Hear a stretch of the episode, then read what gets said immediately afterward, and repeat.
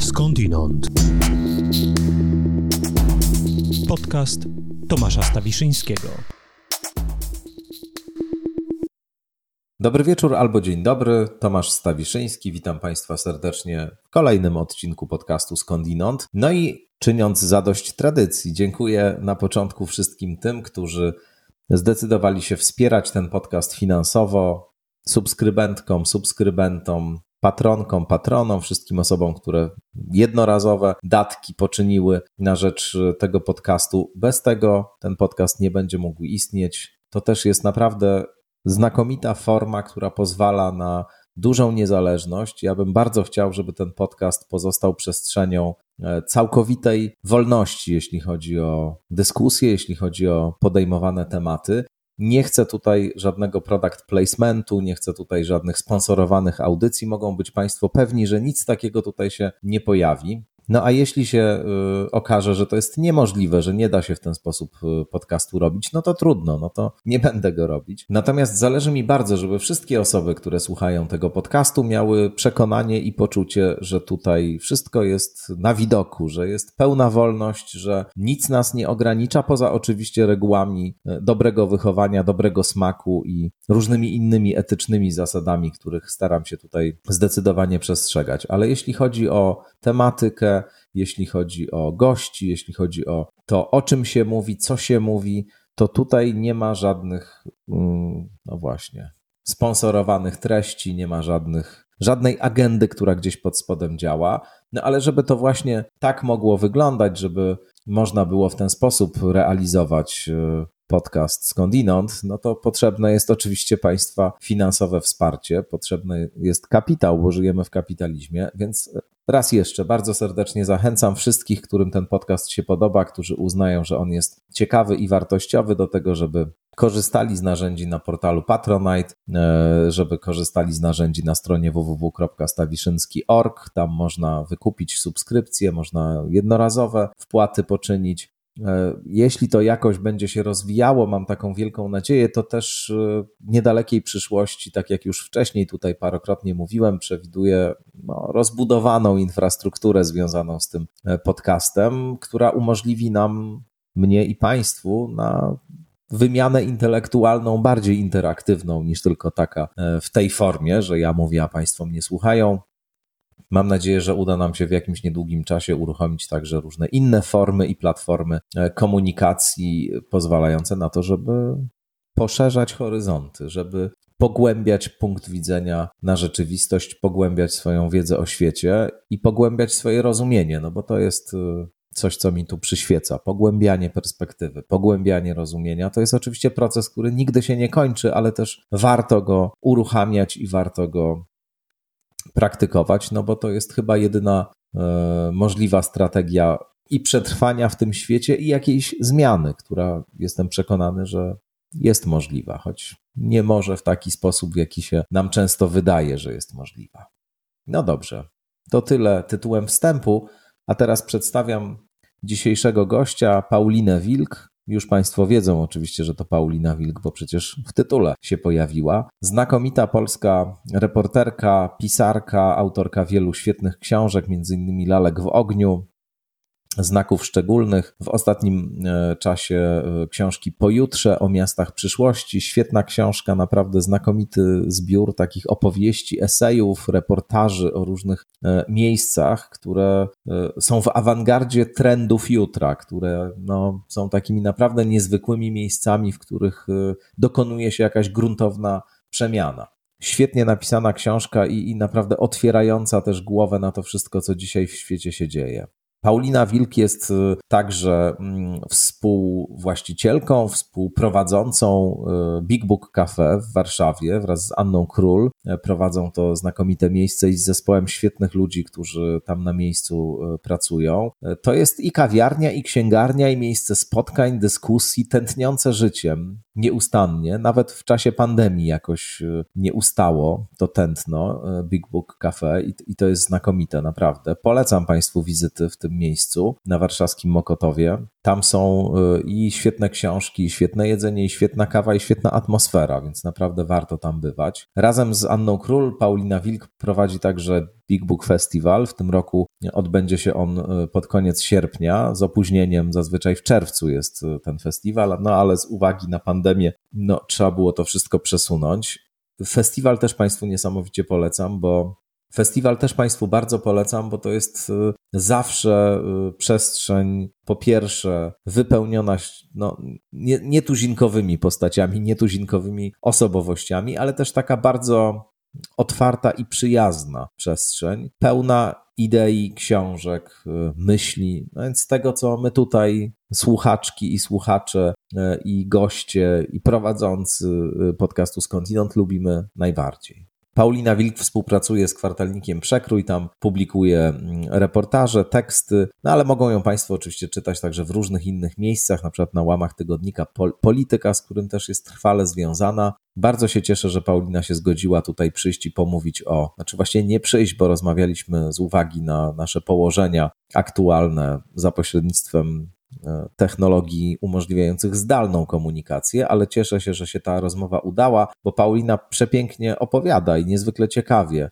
o tym, co stanowi znaczącą treść jej życia, czyli o podróżach, właśnie. O podróżowaniu mówimy i o tym, jak to wyglądało kiedyś, i o tym, jak to wygląda dzisiaj, o tym, jak się zmieniało i doświadczenie podróżowania, i technika podróżowania, no bo w ostatnich powiedzmy trzech dekadach to i technika, i doświadczenie radykalnie się zmieniło. Rozmawiamy o globalizacji, o tym, jak globalizacja wpłynęła na doświadczenie podróży i na samo podróżowanie. Rozmawiamy o literaturze podróżniczej, o różnych metodach i sposobach podróżowania, o różnicach pomiędzy podróżą a turystyką. Rozmawiamy także o koronawirusie, oczywiście, no bo to doświadczenie pandemiczne w ogromnym stopniu zmodyfikowało nasz sposób przemieszczania się w przestrzeni i dalsze i krótsze podróże w pewnym momencie właściwie zostały uniemożliwione. No ale jak to wpłynie na ten świat, jak to wpłynie też na nasze potrzeby i pragnienia związane z przemieszczaniem się, z podróżowaniem, z odwiedzaniem innych krajów, innych państw.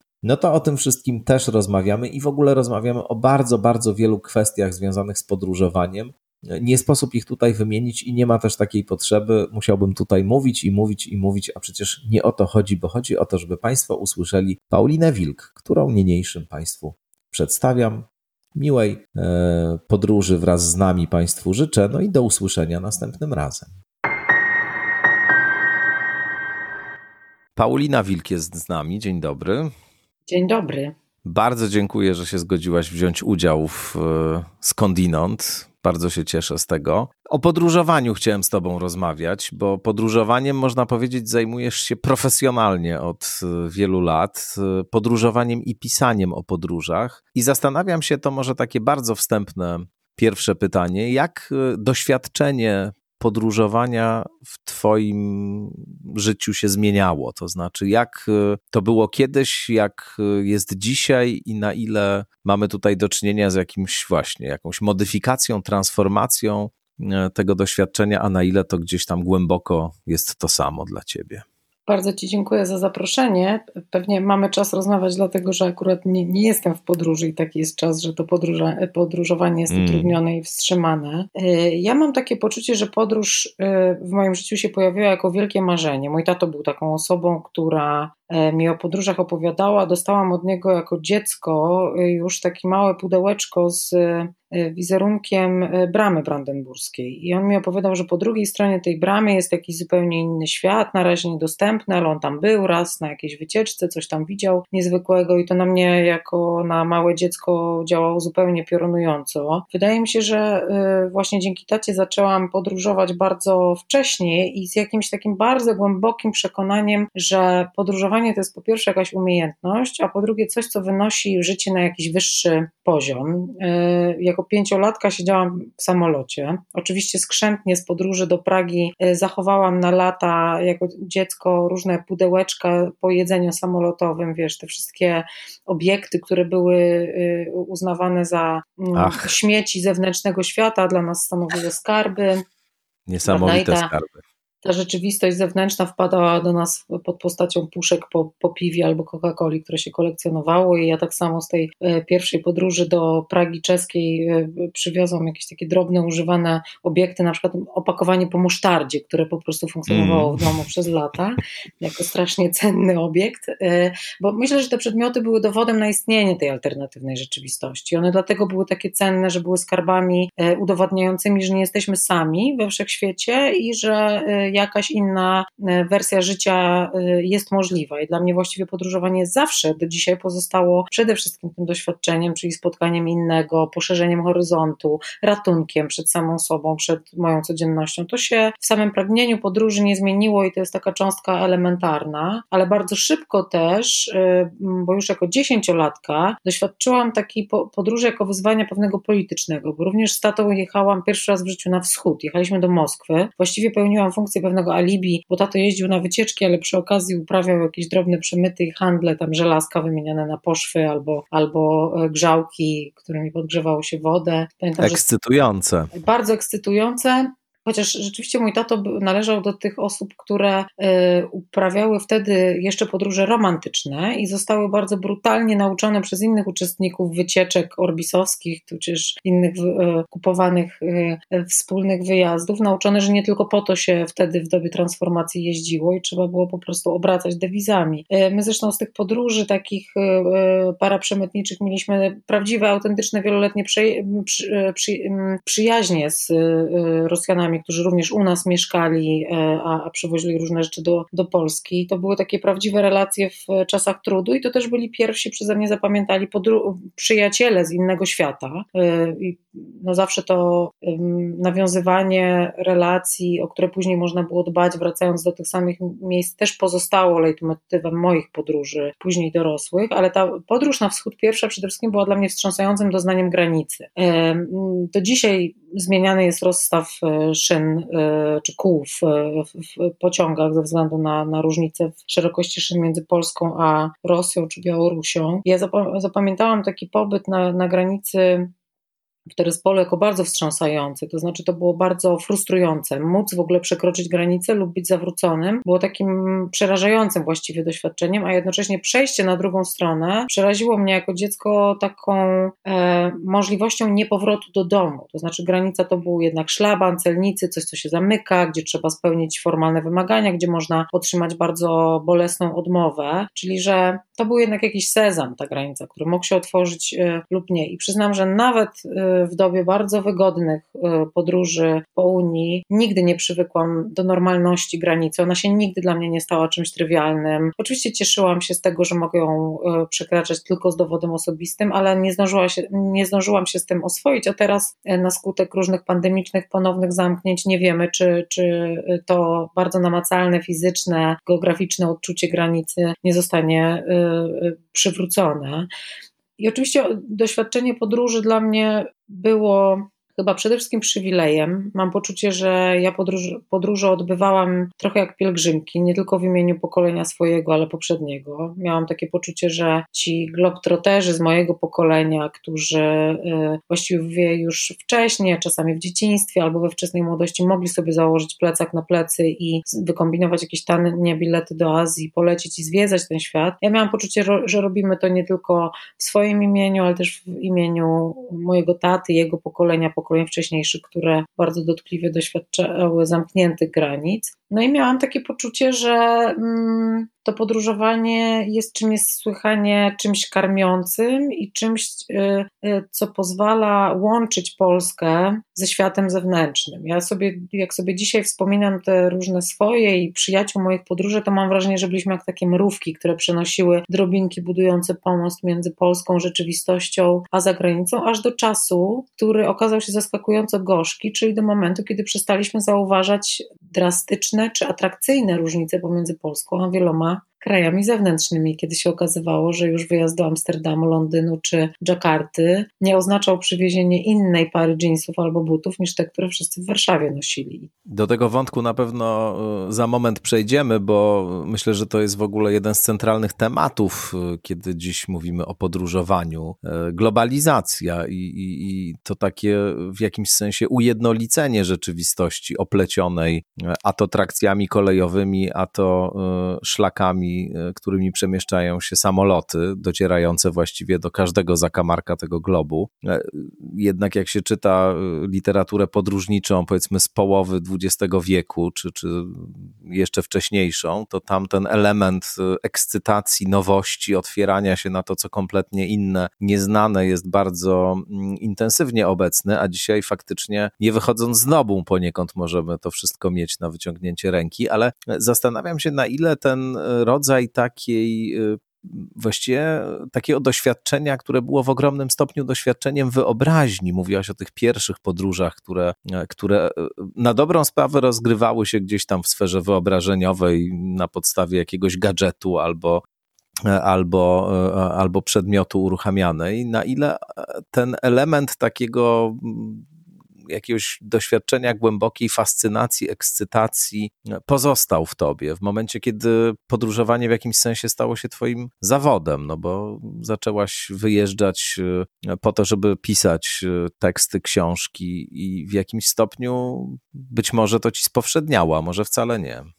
Sama podróż mi nie spowszedniała. Właściwie, jeżeli chodzi o jej pragnienie, przede wszystkim pragnienie podróży, to ono pozostało bardzo splecione z myślę pewnym romantycznym mitem podróży jako etosu odkrywczego. To znaczy tego, że ja jadąc y, gdzieś daleko, będę miała przywilej być tą pierwszą osobą, która stąpa po niedeptanym śniegu, y, która y, coś w ogóle ma prawo zobaczyć po raz pierwszy, być może nazwać, rozpoznać Mm, I oczywiście to jest coś, co pozostało ze mną jako marzenie i głód zawsze, na zawsze. Myślę, że ja się z tego nie wyleczę, chociaż prawda jest bardzo e, prozaiczna i przykra. To znaczy, ja się na pewno spóźniłam pokoleniowo na takie podróżowanie, w którym o odkrywaniu można było mówić. Co więcej, e, bardzo szybko zaczęłam doświadczać już tych procesów, o których wspomniałeś, czyli tak głębokiej unifikacji podróży, że bardzo trudno było wręcz dogrzebać się pewnej, intym, pewnej intymności, intymnego, indywidualnego doznawania podróżowania. Mm, mm,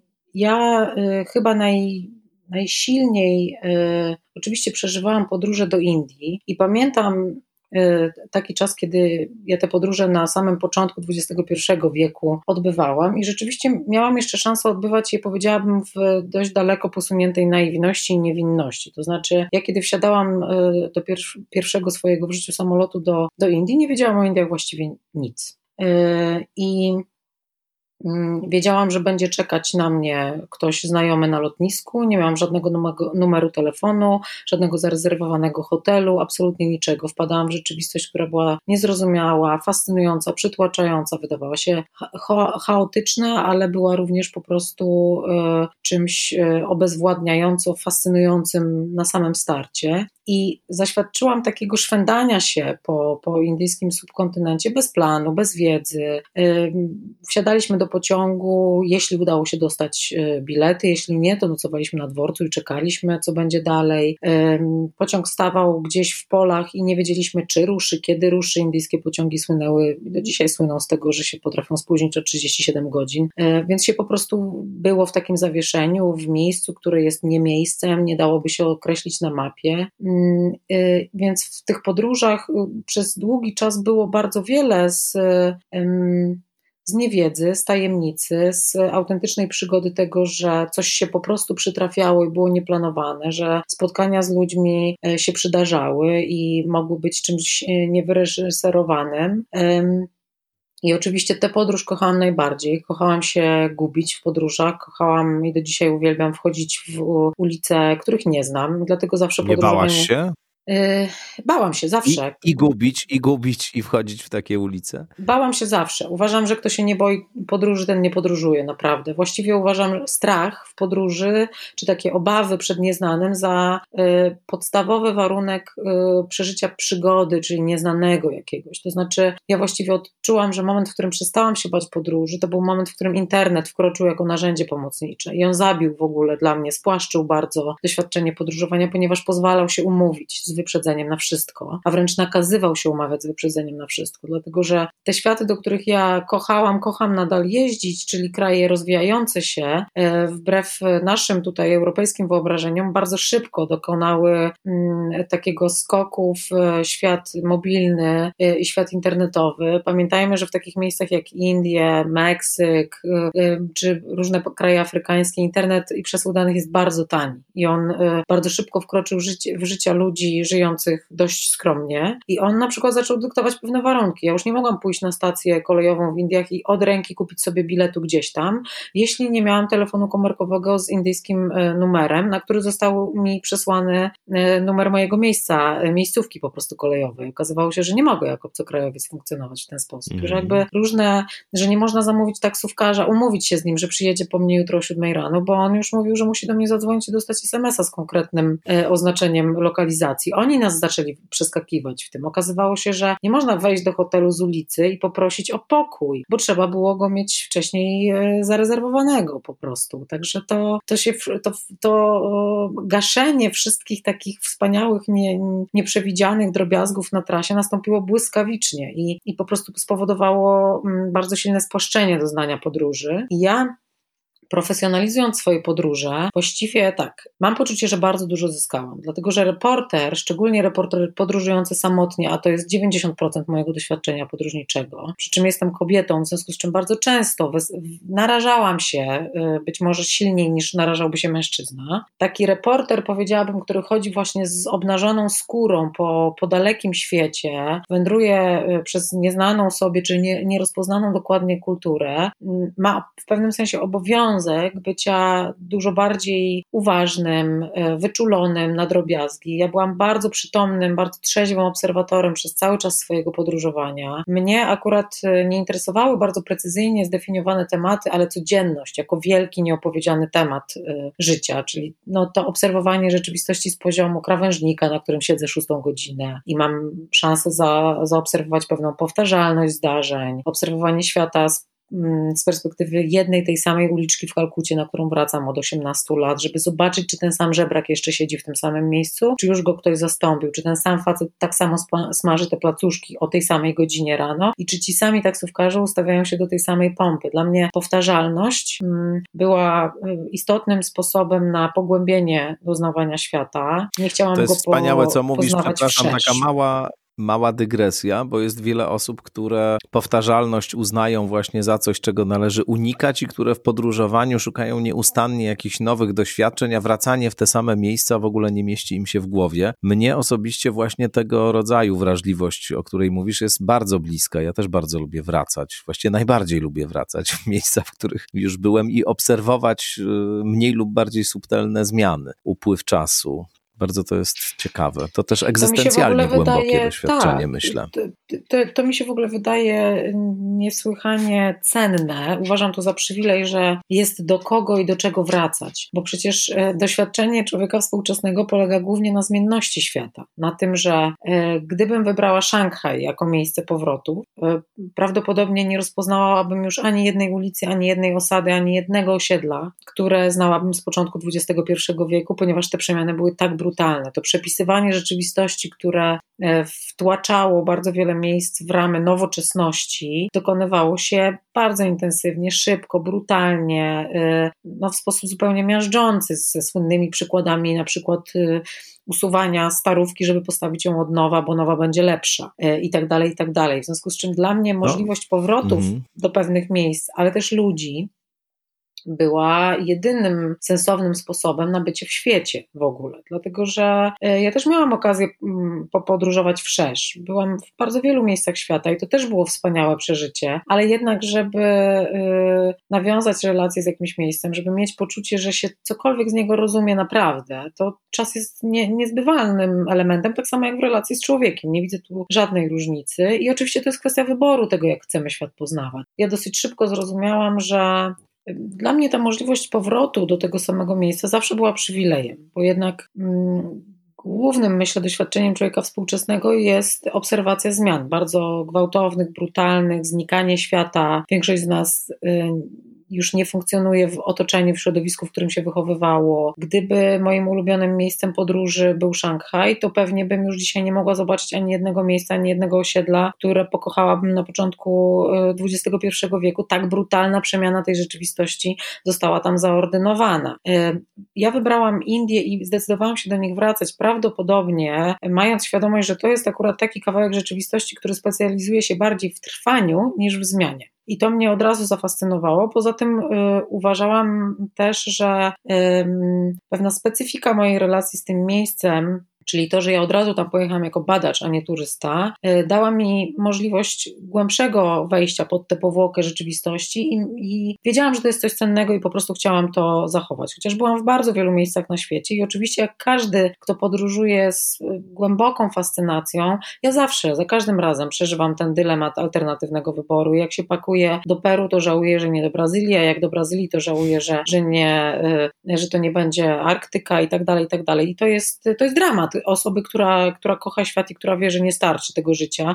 Kiedyś pamiętam, jak zaczęłam pracę zawodową, to sobie przeliczyłam, ile mam urlopu w życiu, to znaczy, ile mam szansy realnie odbyć podróży. I oczywiście to była jakaś żałosna liczba wyjazdów się z tego złożyła, do, a liczyłam ambitnie do, do osiemdziesiątki. E, także ja myślę tak, że, nie, jest, nie ma nic dziwnego w tym, że my, jako ludzie współcześni, jesteśmy kuszeni przez różne miejsca i ulegamy temu złudzeniu, że my doznamy jakiegoś e, w ogóle jadąc gdzieś. E, myślę, że bardzo wielu ludzi podróżujących po świecie już zaliczyło, mówiąc nieładnie, to doświadczenie, że pojechali na koniec świata i nie stało się nic, ponieważ tak naprawdę nie byli nigdzie, ponieważ byli ze swoim telefonem i komputerem, ponieważ byli w wytartych szlakach, z których nie udało się zejść. Mnie na pewno jako osobie podróżującej zawodowo udawało się zachować bardzo wyostrzone zmysły, ja wykorzystywałam wręcz swój zawód po to, żeby na końcu świata nie być turystką. To mi fenomenalnie mhm. pozwalało przenikać pewne oczywiste ścieżki, schodzić z nich, spychać się z nich, y, czasami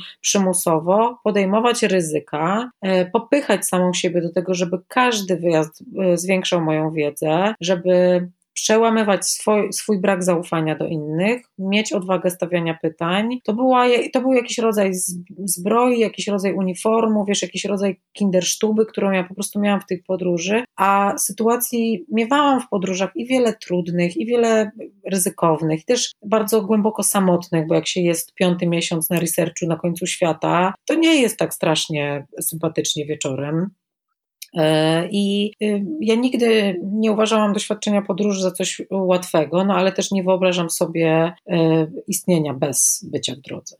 E, podróż to też jest doświadczenie wewnętrzne, już e, o tym wspomniałaś, i są takie dwie zasadnicze myśle metafizyki, które o tym doświadczeniu wewnętrznym mówią i je rozpatrują. E, jedną wyraził doskonale Konstantinos Kawafis w wierszu Miasto, który to wiersz mówi mniej więcej tyle, że niezależnie od tego, gdzie pojedziesz, to i tak zabierzesz wszystko ze sobą, że takie marzenie czy taki mit o tym, że kiedy będziesz gdzieś daleko, to wszystko się zmieni i e, tak jak powiedziałaś, jak się pojedzie na końcu świata, to może coś niesamowitego, na koniec świata to może coś się niesamowitego wydarzyć. Otóż to marzenie, mówi Kawafis w tym wierszu, jest płonne, nic się nie wydarzy, całe życie będziesz chodzić po tych samych ulicach, e, w tym samym mieście będziesz funkcjonować niezależnie od tego, gdzie geograficznie się znajdziesz. A druga metafizyka mówi, że jednak podróż jest także jakąś transformacją, jest wiele zależy od tego, w jakim miejscu jesteśmy. Ono nas definiuje, określa, określa nas krajobraz, język yy, i cała masa różnych innych rzeczy, i być może przeniesieni w jakiś inny kontekst, no, staniemy się innymi ludźmi. Któr, która z tych metafizyk jest Tobie najbliższa?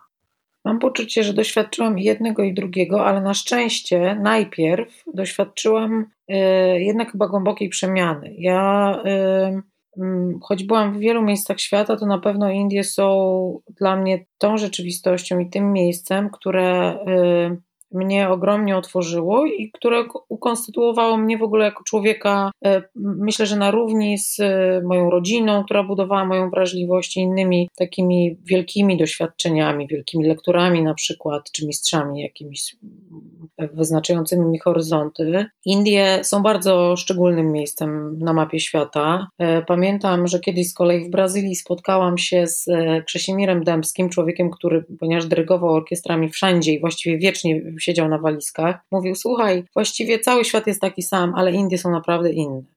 I to jest tak naj, najprościej ujęte y, odczucie, że to jest y, faktycznie społeczeństwo, które funkcjonuje y, wokół zupełnie innych y, wartości, porządków, ładu, nieładu ten kraj ode mnie bardzo wiele wziął. Żebym ja mogła w ogóle tam funkcjonować, wracać, kochać go, cokolwiek rozumieć, musiałam włożyć niebywale dużo pracy i nie mam poza Polską drugiego takiego miejsca na świecie, które by mnie tak głęboko wzruszało, tak strasznie bolało, y, za którym bym tak tęskniła, że czasami to rwie po nocy. Ja pojechałam tam trochę przez przypadek, trochę z, z, braku laku, bez wielkiego planu. Mówiono mi, że to jest miejsce, które mnie zmieni. Uważałam to za, za nonsens, za bzdury. Byłam przekonana, że, że mnie się to nie przytrafi. A mam poczucie, że przytrafiło mi się doznanie na, na, na poziomach, których nie, nie przewidziałam. Ale to I... nie było, jak rozumiem, takie doznanie, e, które często się e, e, miewa, kiedy się jedzie do Indii, bo Indie to jest taki kierunek no, opisywany często i kojarzony właśnie z jakiegoś rodzaju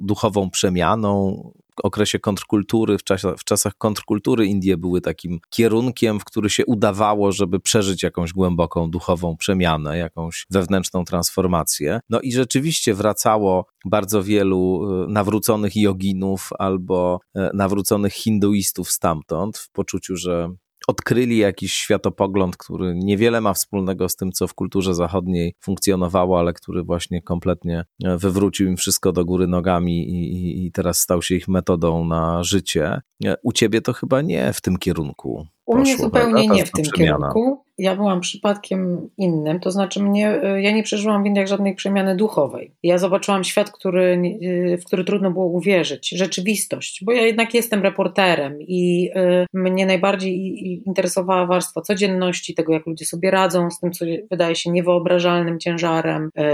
Mnie fascynowały codzienne technologie przetrwania najuboższych, interesowała mnie rzeczywistość ekonomiczna, system wartości, który kieruje zupełnie mm, prozaicznym wymiarem e, życia. Jak mówię, ja przesiadywałam godzinami na krawężniku, żeby obserwować ludzkie zachowania. Interesowały mnie rytuały, ale na poziomie tego, czy ten sam taksówkarz tak samo myje się przy tej samej pompie codziennie, e, a nie, a nie mm, i jaki to oczywiście ma wyższy, wyższy czy bardziej złożony symboliczny związek z tym, co mu mówią święte teksty hinduizmu przepracowane przez indyjską popkulturę. Bo ja się, bo ja się oczywiście uczyłam rozumienia wielopoziomowego i wielowarstwowego funkcjonowania Indii, ale zaczynałam od tego poziomu, który był dostępny dla młodej Europejki i jej w miarę przytomnej wrażliwości tam. Y, nie zaliczyłam żadnego odlotu duchowego w Indiach do dzisiaj, nie przyjmuję tam substancji psychoaktywnych, w ogóle mnie nie interesuje ten wymiar funkcjonowania. Właściwie życie duchowe nie Hindusów, nie siadam w lotosie. Funkcjonowanie takie y, filozoficzne i duchowe Hindusów zaczęło mnie interesować bardzo późno i prawdę mówiąc uważam, że adekwatnie, dlatego że to jest świat tak wyrafinowany i skomplikowany, że łapanie się na te y, uproszczone jego wersję y,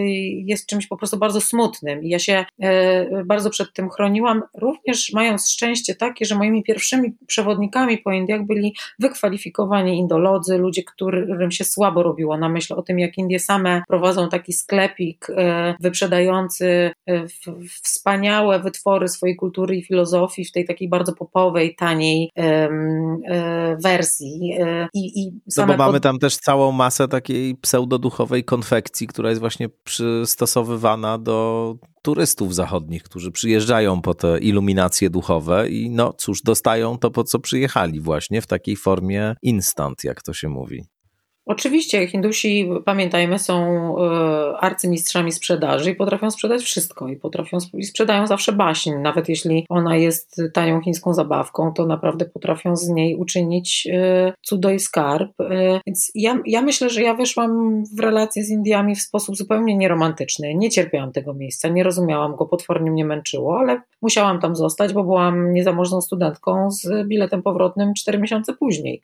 I ta proza mnie uratowała. Mm, dlatego że ja musiałam się z tą rzeczywistością jakoś zapoznać i wykorzystałam te wszystkie narzędzia poznawcze, y, które przywiozłam, a one okazały się absolutnie niewystarczające. Y, godziny spędzane w bibliotekach, y, dni spędzane na rozmowach z Hindusami, godziny spędzone na próbie uczenia się indyjskich języków i tak dalej, i tak dalej. Jak mówię, to była dosyć długa i pozostaje to dosyć długą relacją która wymagała bardzo dużo pracy. I tak myślę, myślę o tym, że mm, y, nie ma właściwie y, innego poznania. I ja bardzo się tych Indii trzymam również dlatego, że rozumiem, że spotkało mnie szczęście w tym, że w ogóle dało, dane mi było przeniknąć taką trywialną zasłonę, czy trywialną powłokę rzeczywistości, bo, bo będąc w wielu innych miejscach, mm, właśnie w, ty, w dobie już tej galopującej globalizacji, ja jako reporter napo, na, napotkałam przeszkody, której się nie spodziewałam. Problemem y, Ryszarda Kapuścińskiego, czy reporterów, y, mm, których mm, i wspaniałych pisarzy jak Nicola Bouvier, których czytałam i którzy we mnie rozpalali pragnienie podróży, ich problemem... Oswajanie był... świata to jedna z moich ulubionych książek. Moja ukochana jest, jest moją prywatną Biblią, mogę ją czytać bez końca, zazdroszcząc autorowi, że, że miał szansę takiego y, oswajania świata, bo ja niestety wpadałam w świat nie tylko oswojony, ale już wykrzywiony przez e, wyobrażenia, które z jednej strony zostały mu narzucone przez takich jak ja, podróżników, a z drugiej strony świat okazywał się już właśnie sklepikiem gotowym na moje potencjalne e, oczekiwania. I tak jak Hindusi sprzedają światu pewną wyobrażoną wersję samych siebie, przygotowaną zgodnie z wyobrażeniem, które ma spełnić nasze oczekiwania. Tak, oczywiście dzieje się to w bardzo wielu częściach świata, i dla mnie, jako reportera, nową przeszkodą okazało się nie dotarcie z punktu A do punktu B, nie nadanie y, raportu do redakcji, y, y nie y, o, znalezienie jakiejś informacji, ale w ogóle dotarcie do czegoś, co nie jest y, podszlifowaną jakąś wersją e, pseudorzeczywistości, co nie jest już właśnie produktem, e, e, właściwie co nie jest przeróbką kultury, codzienności, już jakby podszukowaną jako pewien półprodukt, który ja mam użyć. To, jak ja się strasznie męczyłam i męczę do tej pory w podróżach, żeby zejść z ubitej ścieżki, to jest autentyczny koszmar współczesnych reporterów, żeby nie iść po śladach tego, kto szedł przed chwilą. Czuję się w podróży dokładnie tak, jak Nirmal Purdzia, który zrobił w ubiegłym sezonie to słynne zdjęcie kolejki stojącej na Mount Everest. Ta kolejka mhm. jest wszędzie na świecie. No ja też pomyślałem od razu o tym zdjęciu i też pomyślałem o tym, że te szlaki, które mi się chodzi, nie w ślady innych, te ścieżki, które właśnie są mniej uczęszczane, to teraz też już stały się mm, specjalnie przystosowane towary. To też już się stały e, takie miejsca e, przystosowane do tego rodzaju pragnienia. To znaczy, jak przyjeżdżasz do jakiegoś miasta albo jak jesteś w jakimś, w jakimś innym miejscu, to masz tę część, która jest najchętniej y, przez turystów odwiedzana i masz te szlaki mniej wydeptane, które wszakże też spełniają funkcję szlaków mniej wydeptanych. Są dokładnie tak skrojone, żeby, żeby wytwarzać tego rodzaju wrażenie.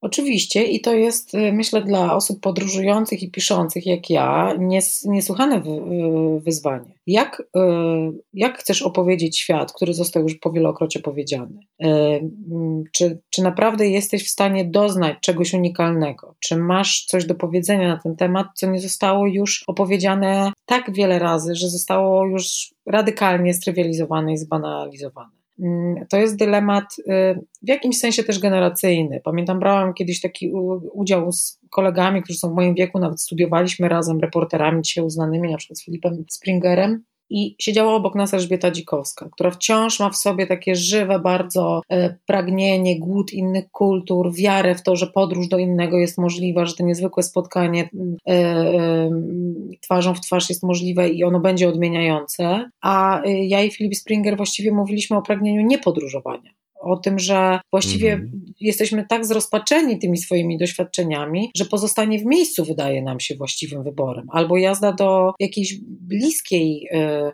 o- a lekko odmiennej rzeczywistości typu Jelenia Góra, że to się okazywało przestrzenią wartą podróży, ale też taką, która dawała nam możliwość e, poznania, przeżycia i opowiedzenia w ogóle jakiejkolwiek historii. Ja wciąż jeżdżę i wciąż staram się szukać, ale niewątpliwie walczę z kolejnami bardzo głęboko już wydeptanymi. I te kolejny nie polegają tylko na tym, że każde miasto na świecie ma swój, przepraszam za sformułowanie, turystyczny ściek, ale trudno to inaczej nazwać. Taką uliczkę, rynienkę, przez którą muszą się przewalić wszyscy, którzy tam przyjechali skądś. E, I właściwie to, że my jesteśmy takimi e, e, drobinami odtwarzającymi e, doznania, czasami z naiwną wiarą, że jesteśmy jedyni w tym, a potem się okazuje, że mamy z wakacji te same zdjęcia, co sąsiedzi i przyjaciele sąsiadów.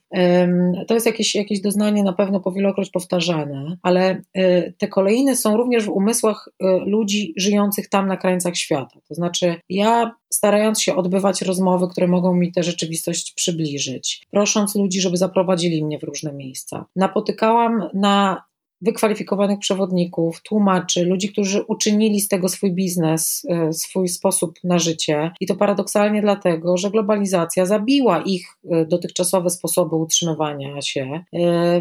I oni po prostu uczynili interes z tego, że ja potrzebuję wiedzy albo ktoś inny potrzebuje wiedzy. Ja dlatego e, właściwie wtedy, w sytuacjach, w których naprawdę nie musiałam ze względów bezpieczeństwa, nigdy nie korzystałam z przewodników, tłumaczy, ani tak zwanych fikserów. Nie cierpię tego słowa, nie cierpię Kim tej jest fikser?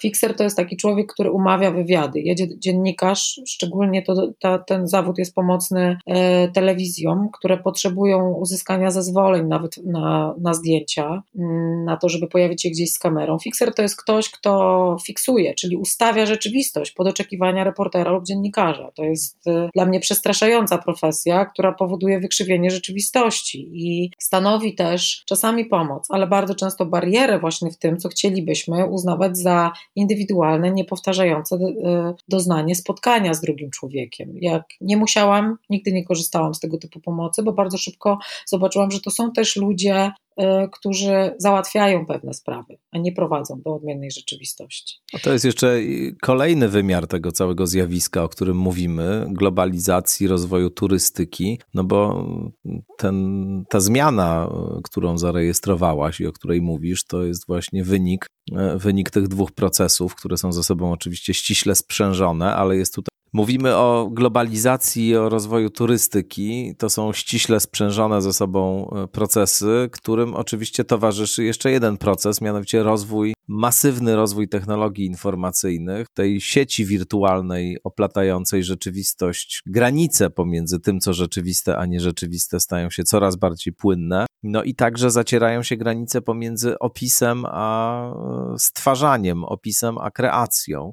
E, Technologia e, obrazkowa, technologia rejestrowania obrazów i dystrybuowania ich też jest właściwie w tej chwili dominująca. Jak się zrobi zdjęcie albo nakręci film, to one w ciągu sekundy znajdują się w dowolnym, mogą znaleźć się w dowolnym zakątku globu. Mm, I e, no, to rzeczywiście w ogromnym stopniu e, zmieniło taki etos chyba kogoś, kto wybiera się na drugi koniec świata po to, żeby coś e, zobaczyć albo kogoś poznać i następnie e, napisać o tym tekst albo przedstawić to światu. Teraz jesteś jakby częścią tego całego skomplikowanego e, łańcucha wzajemnie oddziałujących na siebie elementów, w których właściwie trudno wyznaczyć e, jasną granicę pomiędzy tym, co realne, co nierealne, co wymyślone, co e, niewymyślone, co wyreżyserowane, co niewyreżyserowane.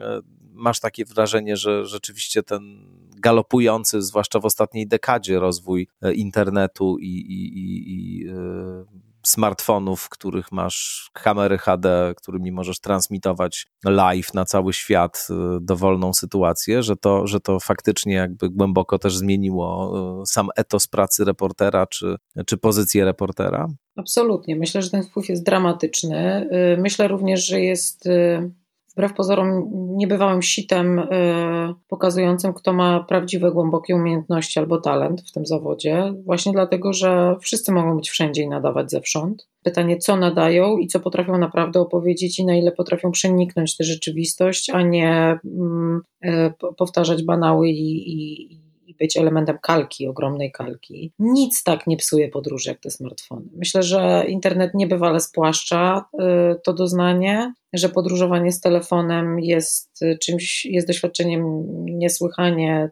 spauperyzowanym w jakiś sposób. Y, ja nie cierpię jeździć z telefonem, natomiast prawdą jest i to, że rzeczywistość jest tak spięta z wirtualnością, że tak jak podałam dwa czy trzy przykłady, prawie niemożliwe jest dzisiaj poruszanie się po Indiach bez e, telefonu komórkowego, bo rikszarze, którzy mają mnie gdzieś zawieść, ze śmiechem przyjmują fakt, że ja nie mam telefonu. Nie potrafią sobie tego w ogóle w głowie ułożyć. Mówią, to jak się mam z tobą umówić? To znaczy, to gdzie mam być? Ludzie, którzy wczoraj, przedwczoraj funkcjonowali e, obracając walutą zaufania i słowa, które jeśli się umówiliśmy na 15, to oni byli na 15, ludzie, którzy nie potrzebowali pośredników w relacjach, w tej chwili e, nie funkcjonują bez, bez tych urządzeń. I to wcale nie dotyczy żadnych wielkomiejskich elit, żebyśmy mieli jasność. To jest e, bardzo podstawowe narzędzie funkcjonowania ludzi wszędzie na świecie. I to właśnie spięcie realu i wirtualu jest tak głębokie, że ja dzisiaj jako podróżnik właściwie nie mogę sobie zafundować frajdy niewiadomej. Ale też e, jako osoba, która tworzę relacje y, świata, muszę się niesłychanie pilnować. Kadrując zdjęcia, ulepszam rzeczywistość. Y, postując na bieżąco, wytwarzam pewne migawkowe wrażenia świata. Nie tworzę linearnej narracji. To będę mogła zrobić, jeżeli po miesiącach podróży usiądę do napisania tekstu albo książki. Natomiast w międzyczasie mój wydawca będzie oczekiwał, że będę opowiadała się w kawałkach na Instagramie i Facebooku, żeby tę książkę w ogóle ktoś kiedyś przeczytał. W związku z czym będę e, wprzęgnięta w pewien przemysł nieprawdy. Nie mam co do tego żadnej wątpliwości, mm. że ja dzisiaj jako dziennikarz, nawet kierując się e, najwyższymi standardami etyki, którą bardzo trudno utrzymywać w tak rozpisanej grze, y, uczestniczę w wykrzywianiu obrazu świata. A masz cały, to jest cały przemysł i to też jest bardzo ciekawe, że masz całą jakby rozbudowującą się nieustannie infrastrukturę, narzędzia, które służą temu, żeby ten obraz y, zakrzywiać i czynić jeszcze bardziej irrealnym, bo te rozmaite metody y, wprowadzania do zdjęć albo do filmów jakichś elementów, których tam pierwotnie nie było i takiego modyfikowania obrazu, y, że właściwie on wygląda jak prawdziwy, a w istocie jest produktem, kreacją, a nie odzwierciedleniem jakiegoś stanu rzeczy, no to to jest w tej chwili galopująca, rozwijająca się niesamowicie gałąź y, przemysłu. Tak, to prawda. I oczywiście e, ten przemysł służy kolekcjonowaniu powierzchownych wrażeń. E, absolutnie nie pozwala niczego przeżywać ani poznawać. To, są mity, my się cały czas po prostu prześlizgujemy. Dlatego ja się staram e, w podróży, szczególnie jeżeli jestem w pracy i mam spróbować naprawdę doznać świata, bardzo sobie gratuluję, że jestem dziennikarzem prasowym i nie potrzebuję ani kamer, ani dyktafonów, ani żadnych urządzeń, które w ogóle bardzo e, zmieniają również zachowania e, moich rozmówców i osób, z którymi mam się spotkać i rozmawiać. Mm, są jeszcze takie miejsca na świecie, gdzie fotografię przeżywa się jako metafizykę. Na przykład dzieci w Indiach do aparatów pozują niesłychanie poważne, jak te postaci z XIX-wiecznej czy początku XX wieku, takiej fotografii, która kradła duszę, która zapisywała się raz na zawsze w historii. Ta powaga wobec bycia fotografowanym jeszcze w niektórych miejscach świata istnieje, ale gdzie indziej jest właściwie powierzchowną zabawą, nikt sobie z niej nic nie robi, tak jakby nic nie zaszło, jakby nie było między nami żadnej relacji, jakby nie nastąpiło żadne prawdziwe utrwalenie. Lubię iść przed siebie. Lubię chodzić pieszo, e, kiedy podróżuję gdzieś daleko. Lubię być bez dyktafonów i bez aparatów fotograficznych. Lubię wieczorem usiąść i spędzić wieczór na robieniu notatek, pozwalając mojemu umysłowi, żeby wybrał, co chcę zapamiętać, co naprawdę mnie poruszyło. Wierzę w to, że mój mózg wie, co robi zapamiętując i wyrzucając z pamięci, dając e, mi jakieś słowa na opisanie tego, co się przed chwilą zdarzyło. Jest dla mnie bardzo ważne, żeby zapisać to szybko. Ja książek na przykład o Indiach nie mogłam pisać w Polsce, musiałam pisać tu i, i, te, i, i mhm. teksty indyjskie pisałam zawsze tam. Mm, w momencie, w którym wsiadałam do samolotu, wszystko to znika. To jest to, to jest ulotne, to jest, to jest doznanie, to jest przeżycie, to się dzieje w jakiejś bardzo subtelnej sferze, również emocji, ale, ale i wrażeń, i doznań zmysłowych które nie pozwalają się zapisać. Yy, wiem, że niektórzy autorzy książek, pisarze pracują tak, że potrzebują, żeby te wspomnienia się uleżały, żeby nadać im literacką formę. Ja, ja jednak mam chyba wrażliwość reporterską, więc yy, potrzebuję to po prostu przefiltrować przez swoje myśli i, i słowa. Nigdy nie nagrywam rozmów, staram się robić coraz mniej zdjęć. One naprawdę mają efekt głównie ogłupiający, czasami służą jako dobre, dobre Mm, dobry mechanizm dokumentujący jakieś zdarzenie, ale jednak jeżeli ja jako autorka nie zapamiętałam, jak wyglądały stopy mojego rozmówcy. Jeżeli nie pamiętam, w jakiej był koszuli, to znaczy, że spędziłam z nim za mało czasu. To jest bardzo proste. Mm. Ja się, wiesz, zastanawiam, na ile ten rozwój y, turystyki, bo zbiorczo mianem turystyki y, określam te zmiany, o których rozmawiamy, te no, to ujednolicenie świata, najkrócej rzecz ujmując, które e, wydarzyło się w ostatnich dziesięcioleciach i ten bezpośredni, oczywisty, trywialny dostęp do każdego zakamarka, prawie każdego zakamarka e, rzeczywistości, e, o ile się dysponuje odpowiednimi środkami finansowymi ma się trochę czasu, na ile to w ogóle zmienia nie tylko powiedzmy doświadczenie podróżowania, które już nie jest e, tak ekscytujące, nie wiąże się z tak e, głębokim poczuciem przekraczania granicy, docierania do jakiegoś miejsca mm, zupełnie nieznanego, obcego, spotkania z kimś, kto jest zupełnie inny.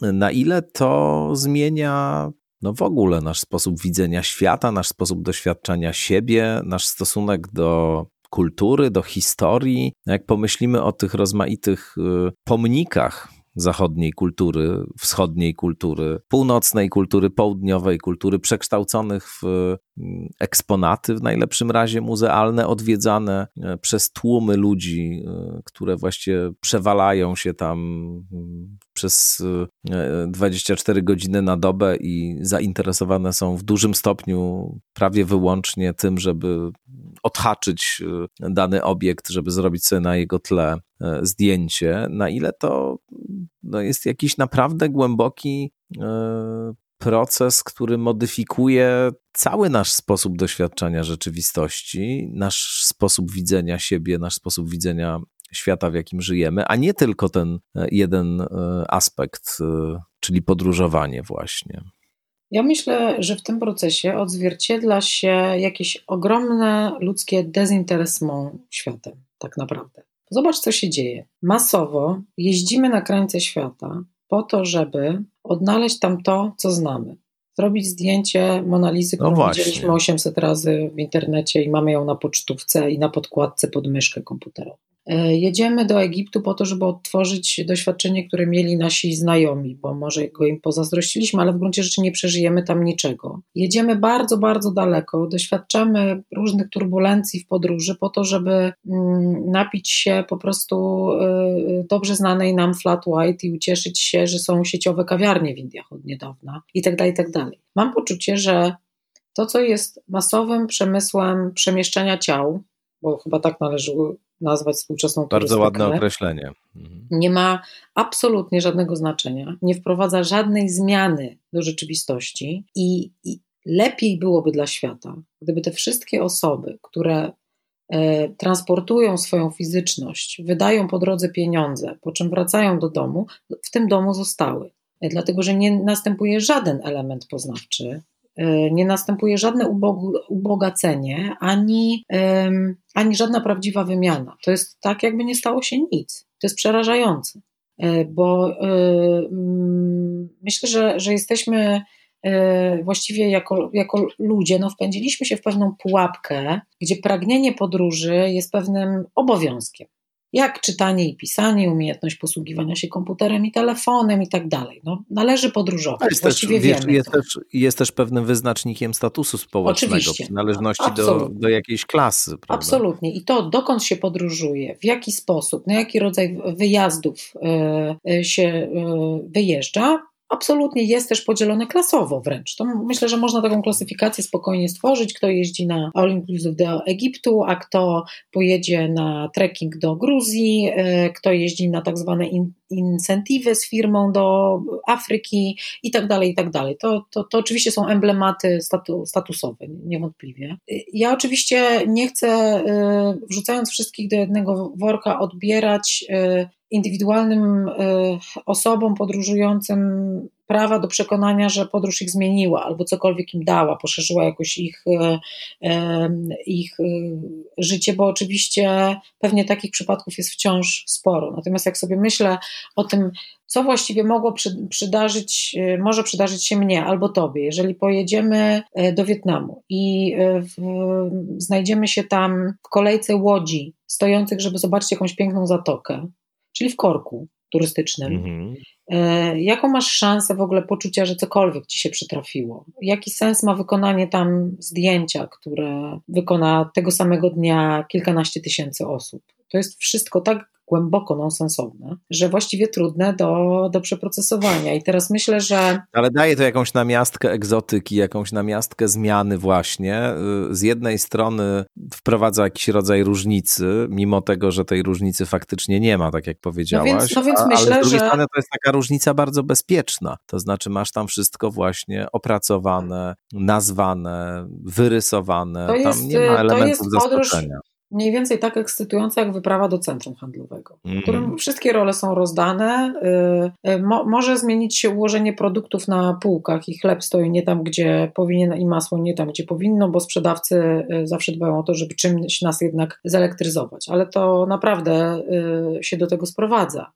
Tak na dobrą sprawę każdy może po poczucie... prostu dostajesz, dostajesz właśnie namiastkę tego, co, czy coś, co sprzedawane jest ci jako głębokie doświadczenie podróży i zetknięcia z inną kulturą, ale jest e, z drugiej strony pozbawione wszelkich ryzyk, które tego typu wyprawie towarzyszyły, wszelkiej niepewności, e, wszelkiego nieznanego mm, i tak dalej. No i w tym sensie to się wpisuje w takie klasyczne procesy kulturowe charakterystyczne dla świata, w którym żyjemy. Absolutnie. Wszystko dostajemy w takim pakiecie, Absolutnie. trochę wykastrowane, trochę, trochę wyszlifowane, wygładzone, podane jako, jako ekscytujące, ale w istocie już żadnej ekscytacji nie wywołujące. No więc jesteśmy takimi przechodniami, e, którzy podziwiają przyszykowane i wypolerowane dla nas witryny. To się, to się dokładnie dzieje, bo tak na dobrą sprawę w związku z mediatyzacją, o której powiedziałeś, podróżujemy wyłącznie po obrazy. Te obrazy są trofeami, y, są y, tym dobrem i zasobem, który możemy trzymać potem w swojej chmurze y, i nigdy ich nie oglądać. Proszę, proszę zauważmy, jak, jak głęboko to jest bezsensowny proces. Nie ma już nawet tego, co robiliśmy rytualnie 10 lat temu, czyli pokazywania zdjęć z wyjazdu znajomym, bo ci inni znajomi też mają takie zdjęcia. W związku z czym to już nawet nie jest bardzo cenna waluta. Ona, mm, ona jeszcze funkcjonuje, bo wrzucimy te zdjęcia mm, w mediach społecznościowych, które są e, ekstremalnie e, konkurencyjne i tak naprawdę służą temu, żebyśmy budowali swoje wizerunki, które jakoś rywalizują z innymi istniejącymi w mhm. tej przestrzeni. W związku z czym to wszystko redukuje podróż jako poznanie pozytywne, budujące, rozwijające, bo podróż na poziomie, przeżyta na poziomie intymnym, nie jest, wiesz, do pokazania komuś. Tego się właściwie nie da zrobić. To znaczy, możesz to opowiedzieć znajomym przy winie, przy kolacji, w jakiejś kameralnej atmosferze, gdzie podzielisz się jakimś głębokim e, wzruszeniem, jeśli takowe e, ci się przytrafi. I wydaje mi się, że to nie jest towar na handel. I mam nadzieję, że, że te momenty olśnień, jakichś takich momentów, w których coś w nas pęka, bo rozumiemy, że można żyć inaczej niż my żyjemy, bo doświadczamy, nie wiem, na przykład gościnności i tego, że ktoś kto jeszcze nie wszystko wystawił na sprzedaż, zaprasza do domu na obiad. E, I to jest czasami bardzo głębokie wzruszenie, najcenne, najcenniejsze e, wspomnienie z podróży, ale niespecjalnie daje się e, sprzedawać, nie da się nim popisać w żaden sposób, bo to są te małe zachwyty. Jeśli to się komukolwiek jeszcze dzisiaj w podróży przydarza, to jest to na pewno, na pewno coś wspaniałego, ale, mm, ale myślę, że tak naprawdę uczestniczymy w jakimś zbiorowym procesie potwornej trywializacji tego, kim jesteśmy. I ta unifikacja kultur, y, to mm, przewożenie y, elementów kulturowych z jednego miejsca na drugie. My przywozimy ze sobą jakiś stek y, mam poczucie straszliwych stereotypów, czyli na widok Polaka będzie zawsze Lewandowski, Lewandowski, Wałęsa, Jan Paweł II, a jednocześnie te sa takie same strywializowane skojarzenia przywozimy z, z podróży czy pseudo podróży. Ja mam poczucie, że robimy coś strasznego, jakbyśmy wszyscy byli kreatorami jakiegoś wielkiego fake newsa o rzeczywistości. Traktujemy ten świat, to jest trochę każdy z krajów traktowali jak roślinę downiczkową, która z każdą wizytą jest przycinana do pewnych wyobrażeń i w pewnym momencie sama się zaczyna do nich dostosowywać. Wiesz, ja miałam wiele takich spotkań z przewodnikami, ludźmi, sprzedawcami, kelnerami, kimkolwiek, którzy byli przekonani, że lepiej niż ja wiedzą, co ja chcę zobaczyć w kraju, w którym oni żyją. Byli po prostu gotowi. Wyciągali taką paletę gotowych półproduktów, zawiozę cię tam, pokażę ci tu, nakarmię cię tym. A ja nie tego chciałam mając za sobą y, głębokie, piękne y, doświadczenie spotkania innych ludzi, mając ludzi, których na, na końcach świata, ludzi, których uważam za rodzinę i przyjaciół, y, w pewnym momencie naprawdę się zatrzymałam, bo miałam poczucie, że każdym swoim ruchem, każdym swoim wyjazdem robię światu jakąś krzywdę, że to jest po prostu jakoś głęboko niszczące to, to deptanie i dreptanie w miejscu. To mi się wydaje niesamowicie istotne, co powiedziałaś w pewnym momencie, że żyjemy w takim świecie, którym wszystko jest y, na pokaz. To znaczy, że media społecznościowe wytworzyły taką sytuację, którą niektórzy socjolodzy y, porównują do średniowiecza, kiedy właściwie nie było sfery prywatnej i wszystko rozgrywało się na oczach innych. Dzisiaj jest poniekąd podobnie, ale kiedy y, te wszystkie obrazy z podróży stają się wyłącznie no, elementem budowania statusu takiego czy innego, elementem, który ma służyć temu, żebyśmy w oczach innych wyglądali jak ludzie, którzy czegoś ekscytującego doświadczyli, no bo ostatecznie również ekscytujące doświadczenia są dzisiaj e, poszukiwanym towarem, no to na dobrą sprawę przestaje to mieć w ogóle cokolwiek wspólnego z tym, czym w każdym razie w jakimś momencie historii podróż była. No właśnie jakimś rodzajem wewnętrznego, głębokiego doświadczenia, spotkania z kimś albo z czymś, no i jakiejś szansy na, na przemianę, ale przemianę w środku, a nie taką, która ma służyć temu, żebyśmy w oczach innych wyglądali jak ludzie, którzy czegoś niezwykle atrakcyjnego doświadczyli. Rzeczywiście w podróży wydaje mi się najcenniejsze to, co się jakoś nie da y, zapisać i, i co y, ja staram się y, przekazywać pisząc książki. I wydaje mi się paradoksalnie, że jakaś część ludzi wciąż bardzo to ceni, że te, tego potrzebuje i tego szuka. Choć spójrzmy też na to, jak w całym świecie spadły notowania literatury podróżniczej. To jest też moim zdaniem bardzo symptomatyczne. To pokazuje, że coś takiego się wydarzyło w, na przestrzeni doświadczenia mojego pokolenia, że świat, który początkowo był upragnionym obiektem, do którego się chciało jechać, poznawać, czerpać, w jakimś sensie na skutek tej trywializacji zupełnie stracił e, na wartości. Więc to moje pokolenie, które zaczęło jeździć po świecie, dlatego że świat był długo niedostępny, upragniony, więc był niezwykłym, wysokiej klasy dobrem, można tak powiedzieć. On się w tym czasie właściwie bardzo strywializował jako pewien obiekt uwielbienia i poznania. Prawda? I, I teraz właściwie y, jeżdżenie po nim trochę straciło sens, co bardzo widać w, w spadku notowań y, literatury podróżniczej, reportażu zagranicznego. Polska na przykład była w ogóle nie, niesłychanie chłonnym, wielkim rynkiem dla tego typu książek i cała wręcz generacja polskich reporterów jeździła po świecie i robiła karierę, opisując tam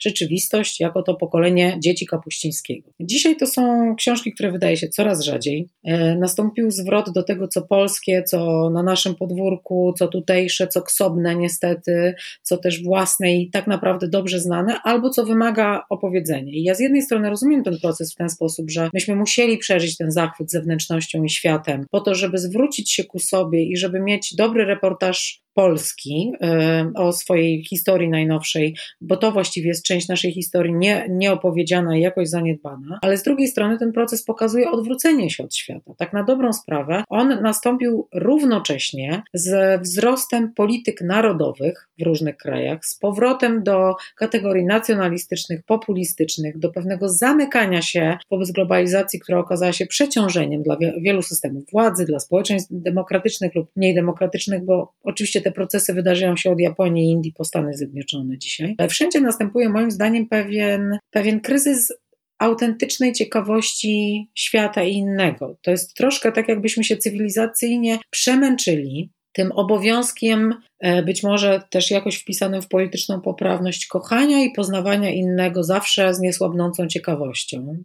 Mm. Być może też przedawkowaliśmy e, takie zachowanie, jakim jest właśnie podróż do innego, dokonywanie tego wysiłku, spłacanie jakichś długów postkolonialnych, nawet przez takie kraje jak Polska, teoretycznie nie zaangażowane w to, w ten proces kolonialny bezpośrednio, ale jednak dzisiaj uplasowane wśród krajów e, rozwiniętych, a zatem beneficjentów całego tego układu zachodniego i tak dalej, i tak dalej. Ja mam poczucie, że e, to odwrócenie się od świata jest właśnie bardzo widoczne w tej masowej turystyce, która w ogóle nie jest poznaniem, w ogóle nie jest wyprawą do innego, tylko jest ciągłym odtwarzaniem doświadczenia, które już się ma, bo ten turysta, który jedzie na planowaną wycieczkę, jest również turystą, który większość tej wycieczki spędzi z nosem w telefonie. Ja jako reporter muszę i jako człowiek żyjący we współczesności ekstremalnie e, mediatyzowanej, ja muszę wręcz wykonywać świadomy wysiłek na to, żeby odłączać się mhm. od tej wirtualności i, i przypominać sobie stare, analogowe sposoby poznawania świata. No zobacz, I mam, ale... wiesz, poczucie, że jestem jak szewc, który szuje już buty, których nikt nie nosi dzisiaj. A zobacz, z drugiej strony mamy rzesze ludzi, którzy uciekają z miejsc, w których żyją e, i próbują dostać się do Europy w poszukiwaniu jakiegoś e, elementarnego spokoju, jakiegoś bezpieczeństwa bardzo bazowego. E, gotowi są naprawdę na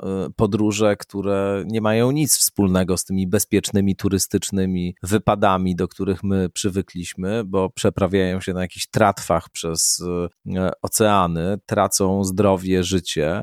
E, tutaj wywołuje to no, z różnych powodów, o tym moglibyśmy długo mówić, e, konfuzję w jakimś sensie, bo i ten sen i marzenie o takim pokojowym współistnieniu różnych kultur, o tym właśnie, że inny jest e, w istocie mną samym, ewentualnie trochę bardziej e, kolorowym albo, albo egzotycznym, to też okazała się w jakimś sensie opowieść nieprawdziwa i, i chyba stoimy u progu takiego naprawdę no, głębokiego przełomu, czy, czy jakiejś głębokiej transformacji, w której te wszystkie kategorie, o których dzisiaj e, rozmawialiśmy, znowu ulegną jakiejś kompletnej przemianie. Wiesz, ja mam poczucie przy, ca przy całym zachowaniu proporcji i, i uznaniu dla, dramatu uchodźców i imigrantów, że paradoksalnie turysta, który jest przerzucany przewidzianą ścieżką wycieczki y, zorganizowanej dajmy na to na jakąś piękną wyspę, e, jest o tyle w podobnym doświadczeniu z imigrantem czy uchodźcą, że on również podróżuje nie szlakiem nieprzewidzianym, tylko bardzo precyzyjnie zaplanowaną trasą, e, która kończy się nie tam, gdzie on chciałby, gdzie ma nadzieję lub gdzie budowano jego wyobrażenia, tylko kończy się na przykład w obozie,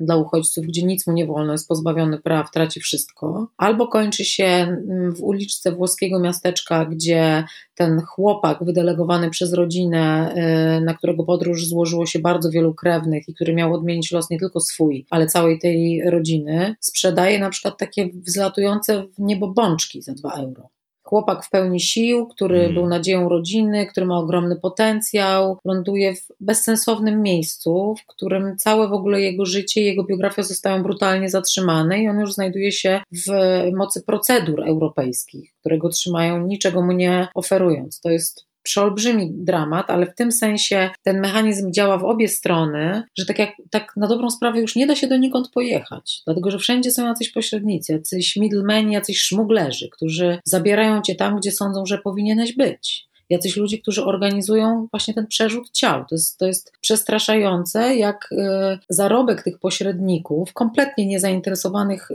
całym procesem podróży, jego znaczeniami, szansami, które są w, weń wpisane, po prostu go kompletnie anulują. On się odbywa, ale jednocześnie mhm. się nie odbywa. Ma, mam poczucie, że na skutek e, mhm. no właśnie uprzemysłowienia podróży i tych legalnych, tych turystycznych, tych najbardziej luksusowych, do zakątków świata, do których mogą pojechać tylko najbogatsi, żeby spotkać się z blisko z orangutanem, szympansem albo gorylem. E, I ta podróż, która oznacza e, przerzut w kontenerach, ciężarówkach, na tonących łodziach i pontonach, cały ten absolutnie brutalny, ale biznes transportowania ludzi w imię nadziei na lepsze życie, w jakimś sensie, no właśnie unicestwiły doświadczenie zmiany związanej z podróżą. Podróż jest prawie niemożliwa we współczesności. Żadna mhm. podróż jest praktycznie niemożliwa. I ja, ja w tej chwili jestem w miejscu, którego się nigdy po sobie nie spodziewałam, czyli w jakimś e, doznaniu wdzięczności dla e, losu pandemicznego, który nas spotkał, dlatego że wszystkie moje e, podróże zostały zahamowane i zatrzymane. Gdyby nie pandemia, byłabym w tej chwili w Indiach, badając Indię do kolejnej książki. Tymczasem to, co mogę robić i w czego sens wierzę, to spełniam bardzo długo odkładane marzenie o podróżowaniu po Polsce i poznawaniu no właśnie, tego kawałka świata. Napisałaś taki e, tekst e, w kwartalniku Przekrój niedawno na stronie internetowej. Już nas tam nie ma, to tytuł tego tekstu, w którym piszesz, że no w jakimś sensie już tych podróży miałaś dosyć, już tych podróży mm, eksplorujących miejsca, które kiedyś były e, nieznane, egzotyczne, a stały się kompletnie e, wyświechtane, że już to był jakiś moment w Twoim życiu, w którym przestało Cię tak bardzo to ekscytować ale że paradoksalnie pandemia, która przecież uniemożliwiła nam e, wszystkim przemieszczanie się w przestrzeni, e, w tej przestrzeni pozagranicznej, rzecz jasna, nagle stała się szansą do tego, żeby odkryć te nieznane i ekscytujące rewiry świata no właśnie bardzo blisko tak naprawdę, tu i teraz. Tak, ja widzę szansę y, podwójną. Z jednej strony przypomnienie sobie, że właśnie świat nie jest na wyciągnięcie ręki, on nie jest do wzięcia, on nie jest y, kurtyzaną, która ma nas zabawiać, bo to jak bardzo my go używamy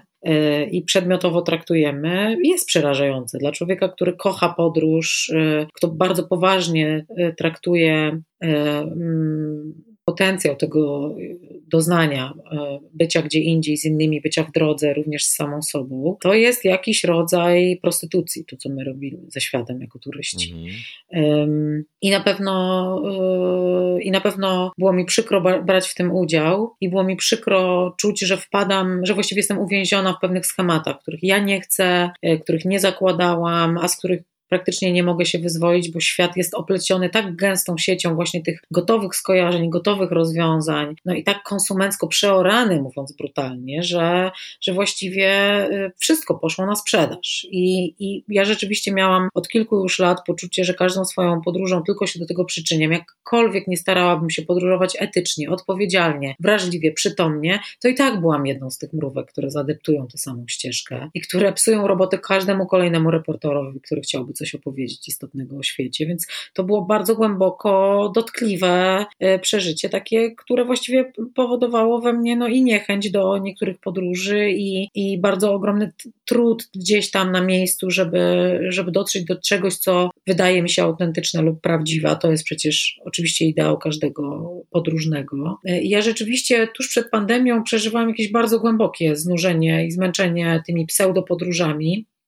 E, I nawet sobie myślałam, że już dość, już dość, już wystarczy. E, I kiedy pandemia się zaczęła, to tak, z jednej strony, zresztą rozmawiałam o tym z wieloma ludźmi, którzy też intensywnie podróżowali. Pierwsze, co żeśmy odczuli, to jest pewna ulga. O, okej, okay, nie trzeba przez chwilę podróżować. Jestem zwolniona z obowiązku wyrabiania kolejnych e, wyników, udowadniania, nie wiem, sobie, światu, że, że coś zobaczyłam, że, że pojechałam dalej, że znowu coś przeżyłam. To jest być może taki stary nawyk właśnie potransformacyjny, że życie jest obowiązkiem doznawania rzeczy nowych po raz pierwszy i ciągłego takiego znajdowania e, odczuć bardzo świeżych, bo to mam poczucie jest doświadczenie takie moje, e, mojej generacji, która w pewnym sensie miała mm, obowiązek właśnie nadrabiać pewne zaległości. Z drugiej strony mam poczucie, że Y, teraz mam ogromną szansę odjechać niedaleko od samej siebie, odbyć podróż pociągiem podmiejskim, y, pojechać y, w takie części Polski, o których istnieniu naprawdę wiem bardzo niewiele. I to był taki obszar zaniedbany, i to też wydaje mi się znakiem czasu, że ja byłam jednym z tych dzieci, które założyły plecak i od razu wyrwały się daleko za granicę, bo to się wydawało najbardziej ekscytujące, a, a, a nie starczało czasu na rozpoznanie własnego kawałka świata. I dzisiaj postrzegam to jako wielki przywilej ale też widzę, może to jest starość, może dojrzałość, a może mhm. mądrość. Sama nie wiem, że mogę e, pojechać żółtą drogą, nie spiesząc się samochodem, wysiąść gdzieś z niego w polu, przesiąść się na rower, popatrzeć na tę właśnie codzienność wydaje się prozaiczną i zwyczajną, e, czyli na małego kota, który sobie idzie w zbożu, albo na jakąś przydrożną kabliczkę, którą ktoś z wielką troską e, odmalował, ukwiecił i tak dalej, i tak.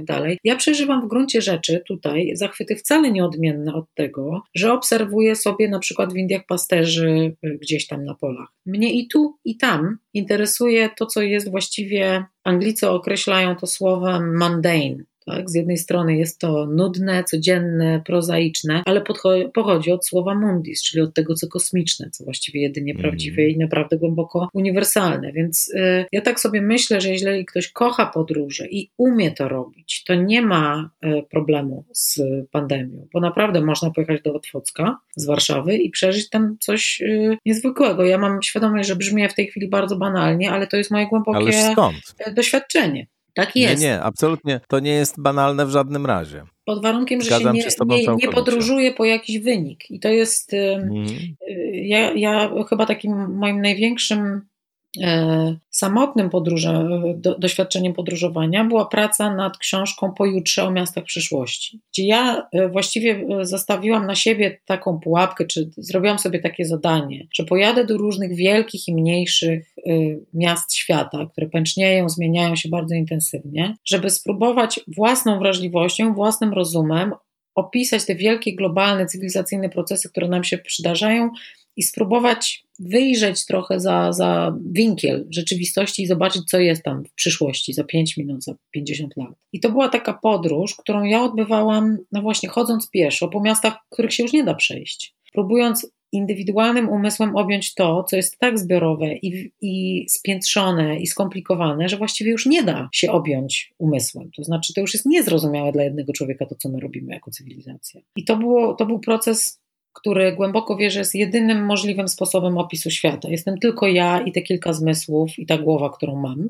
A z drugiej strony było to doświadczenie bardzo męczące, dlatego że y, właściwie ja pragnę świata na miarę ludzkiego przeżycia, czyli tego kota w zbożu i tej małej kapliczki, tej jednej wsi, która być może akurat dzisiaj nikogo nie obchodziła i nikt przez nią nie przejeżdżał i na szczęście nikt jej nie obfotografował jeszcze na Instagramie. I ja wtedy wracam do, do tego świetnego uczucia, że zobaczyłam coś i to już ze mną zostanie. I to jest wielka sprawa. Tak naprawdę to jest wielka sprawa. I najlepiej, gdyby nie miała świadków, no chyba, że jakiegoś bliskiego człowieka, który jedzie ze mną i widzi łzę w moim oku. No to jest, no to warto żyć, to warto jechać. No, nie mógłbym sobie wyobrazić lepszej puenty tej rozmowy. Bardzo Ci dziękuję i takich podróży Ci życzę jak najwięcej i oczywiście też słuchaczkom i słuchaczom jak najwięcej takich podróży życzymy. Ja też dziękuję bardzo za, za, za tę możliwość pomyślenia z Tobą na głos o tym, co się stało z podróżowaniem we mnie. Bardzo polecam Państwu pociągi podmiejskie, a gdyby się jeszcze gdzieś trafił jakiś PKS, no to już perła, absolutna perła. bardzo dziękuję, Paulina Wilk. Dziękuję. Dziękuję bardzo.